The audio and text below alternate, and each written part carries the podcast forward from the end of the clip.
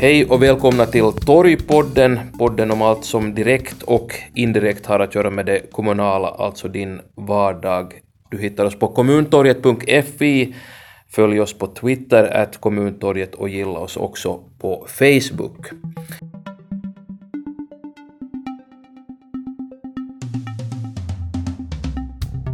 Och jag säger hej till Mats Brandt som är stadsdirektör för Nykarleby. Eh, välkommen till Torgpodden Mats. Tack så mycket. Vi ska det där eh, prata om det faktum att du ska disputera här om knappt två veckor vid mm, Vasa mm, universitet om eh, ett ämne som är synnerligen intressant för eh, finländsk politik överlag. Men först måste jag ändå fråga, i måndags så fick vi veta hur den nya regeringens regeringsprogram ser ut. Vad är ditt spontana intryck efter vad, som, efter vad du har läst? No, den första känslan så var ju faktiskt eh, en, en riktigt äkta glädje. För uh, i svensk Österbotten så har vi ju haft en hel del politiska motgångar de här senaste åren och då tänker jag särskilt på uh, jourfrågan vid Vasa centralsjukhus. Och uh, den här programförklaringen som man, man har fått läsa om så innehåller ju väldigt många bra ingredienser som är som viktiga för oss i Österbotten. Det är social och hälsovården, det är jourfrågan. Eh, social och hälsovårdsreformen i sig verkar ju typ passa bra in i de riktmärken som vi har i Österbotten. Mm. Och sen är det ju förstås den här betoningen på kommunikationer och infrastruktur. Vi är ju ett sådant landskap som där det är helt avgörande för vår konkurrenskraft att, att Finland satsar på det här. Så att jag tycker att det känns riktigt bra. Okej. Okay. Tror du att det beror på att uh, den förra regeringen, regeringen Sipilä, var sedvanligt dålig på att beakta de här sakerna, eller har det att göra med att man nu har en konstellation, jag tänker till exempel på SFP förstås då, men också Socialdemokraterna som ju har ett visst fäste i Österbotten, att, att liksom det är det som nu har rott i land förslag som gynnar Österbotten? Jag tror nog att de politiska konjunkturerna har haft en stor betydelse för det här. Det är klart att um, SFP, SDP, alla har gått jättestarkt ut för det här, att, mm. att vi ska ha ett starkt Vasa centralsjukhus till exempel. Så nog har det haft garanterat en betydelse. Okej. Okay. Bra, vi lämnar regeringsprogrammet där och får säkert skäl att återkomma till det, men nu ska vi prata om det faktum då att den 14 i sjätte så disputerar du med avhandlingen som har titeln Valfrihet inom social och hälsovården, myndigheternas syn på valfrihetens inverkan i Finland och Sverige ur olika strategiska synvinklar. De brukar ju ha sådana här långa titlar, de här avhandlingarna. Låt mig börja så här. Hur har du kommit till det här ämnet, att, att skriva avhandling om just detta? Mm. den äh, praktiska orsaken till det här så är ju att jag hade en tjänstledighet um, i början på ja, 2012 till 2014 och jobbade i Sverige på Finansdepartementet. Och det var en tid då den här debatten om vinster i välfärden var väldigt påtaglig. Och um, min uppgift på departementet är att vara, fungera som analytiker kring frågor som gällde eh, privat produktion av offentligt finansierade tjänster. Och då jag kom tillbaka till Österbotten så hade jag så mycket material och kunskap och idéer i bagaget så att jag tänkte att jag måste göra någonting av det här. Mm. Och, och då, då började jag spinna vidare på tanken på att doktorera. Just det. Innan vi kommer till eh, just vad den här titeln avslöjar, eh, du nämnde debatten om vinster i välfärden, mm. som vi förstås vi också har haft ja. under den senaste regeringsperioden med tanke på försöket till social och hälsovårdsreform. Vad är ditt eget intryck av den debatten? Är den on point så att säga, eller är den eh, vilseledd? Den är angelägen och viktig av den orsaken att eh, i det offentliga så handlar det väldigt mycket om förtroende. Och då förtroende är skadat, vilket det är för tillfället, av vilken anledning det sen må vara, då förtroende är skadat så måste man göra någonting för att reparera det. Annars kan det på sikt öka på den här legitimitetskrisen som vi har med demokratin och att bidra till en solidariskt finansierad välfärd. Så jag tycker att den är angelägen ur den synvinkeln. Sen tycker jag att debatten ibland har tendenser till överslag och att äh, ja, kanske onödig polarisering, för att verkligheten är inte svartvit. Det är inte så att privata äh, aktörer sköter saker och ting dåligt per definition och det offentliga sköter det bra, utan vi har en, en mosaik, en, en väldigt äh, varierande verklighet och äh, en av poängerna med, med det här mitt intresse, så det är just det att, att hur ska myndigheten tänka mm. ur myndighetens egen synvinkel, att hur ska jag styra det här social och hälsovården som är en så komplicerad helhet. Mm. Att det, det var egentligen en av de här ja, tankebanorna då jag började grunna på det här. Exakt, och där har vi ju den där titeln också, alltså myndigheternas syn på valfrihetens inverkan ur olika strategiska synvinklar. Mm. Så det här handlar helt enkelt om um, hur man upplever att den här valfriheten skulle kunna ha en inverkan på vården och hur man kan sen styra uh, just det här. Vi kanske behöver berätta lite vad situationen är i Sverige jämfört med i Finland för att det här ska öppnas upp lite. Ja, Nå, avhandlingen till att börja med så tar ju sin utgångspunkt i myndighetens synvinkel eller myndighetens äh, se, äh, behov av att styra social och hälsovården och äh, min målgrupp är ju ledande tjänstemän. Mm. Så, så hela avhandlingen berättar om deras syn på valfriheten. Och fenomenet som jag undersöker så är ju det här att pengen följer patienten eller klienten.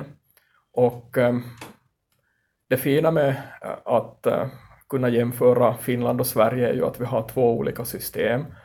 I Finland är det servicesedelsystemet som jag tittar på och i Sverige så har man ju en mycket mer omfattande valfrihet. Ett obligatoriskt vårdval som mm. landstingen har för att ge patienterna möjlighet att välja sin egen vårdcentral till exempel.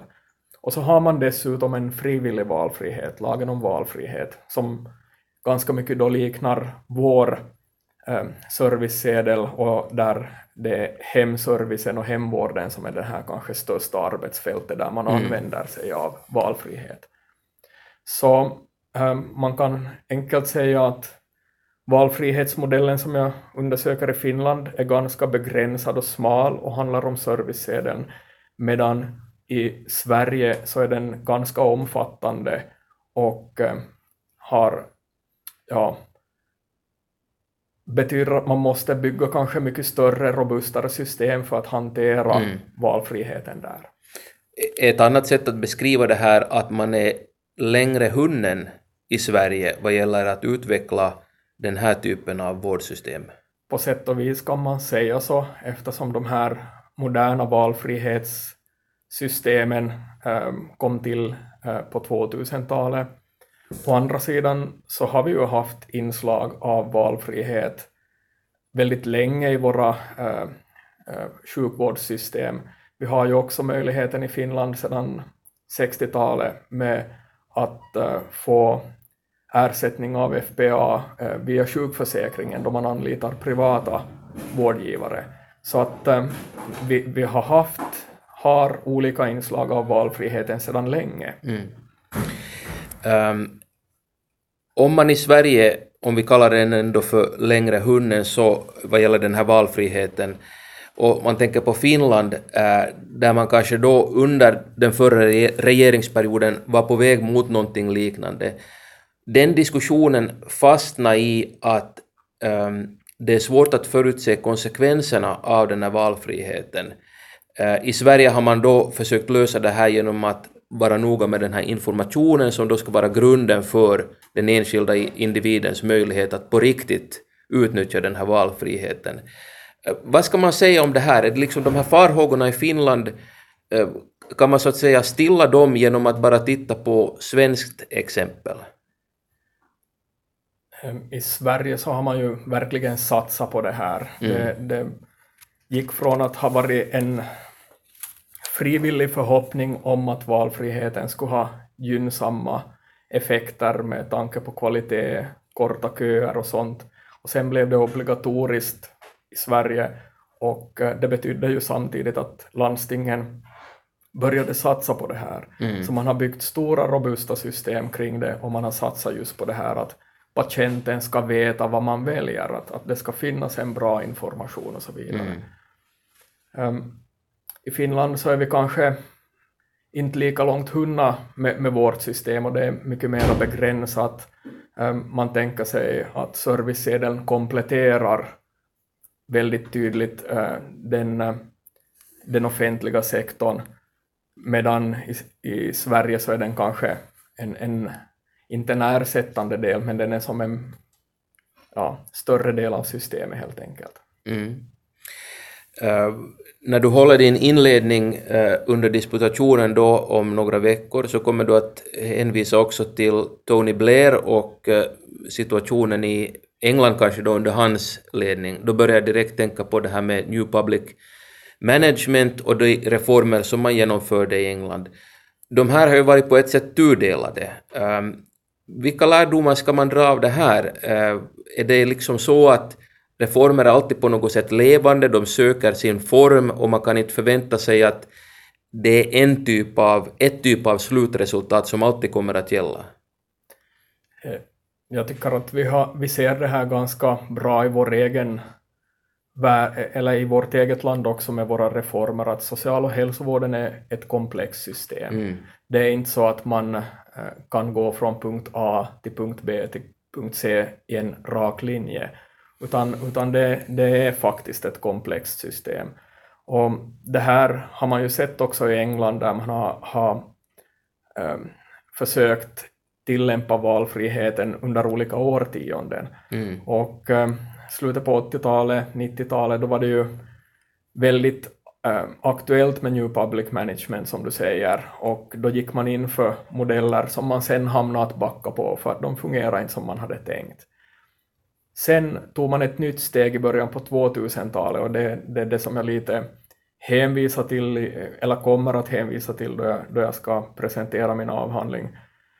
Då är det faktiskt inte för att jag tycker att New Labour har ett speciellt bra grepp om valfriheten eller för att jag tror att det är de som har, har kommit på det viset sten.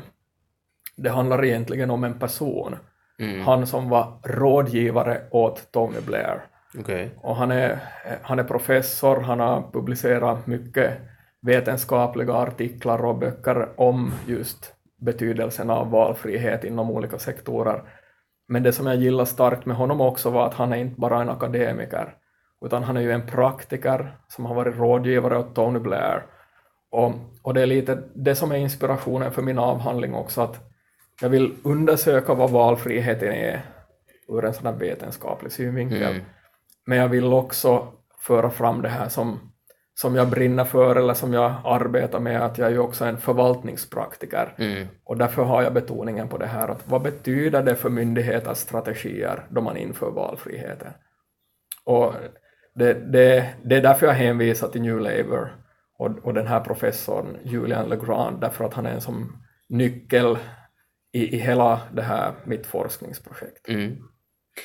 Men oavsett hurdana typer av, Eh, uh, hurdan form uh, de här reformerna tar sig, den här valfriheten, är det ändå så att, att det finns en sak som är gemensam för dem och det är liksom de som ska bruka den här vården, alltså den enskilda individen som är i behov av social och eller hälsovård, att den har liksom makten i sina händer att välja. Det är liksom någonting som hela tiden är detsamma, eller hur ska man tänka kring det här? No, sån är ju eh, bilden jag får efter att ha undersökt vad man tycker och tänker i både Finland och Sverige. Att, mm. att eh, de ledande tjänstemännen har en väldigt likadan samsyn kring det här. Att, att man tänker faktiskt att valfriheten eh, ökar på självbestämmande för, för, för den som ska ha servicen och man tänker också att det kommer att leda till en bättre kvalitet.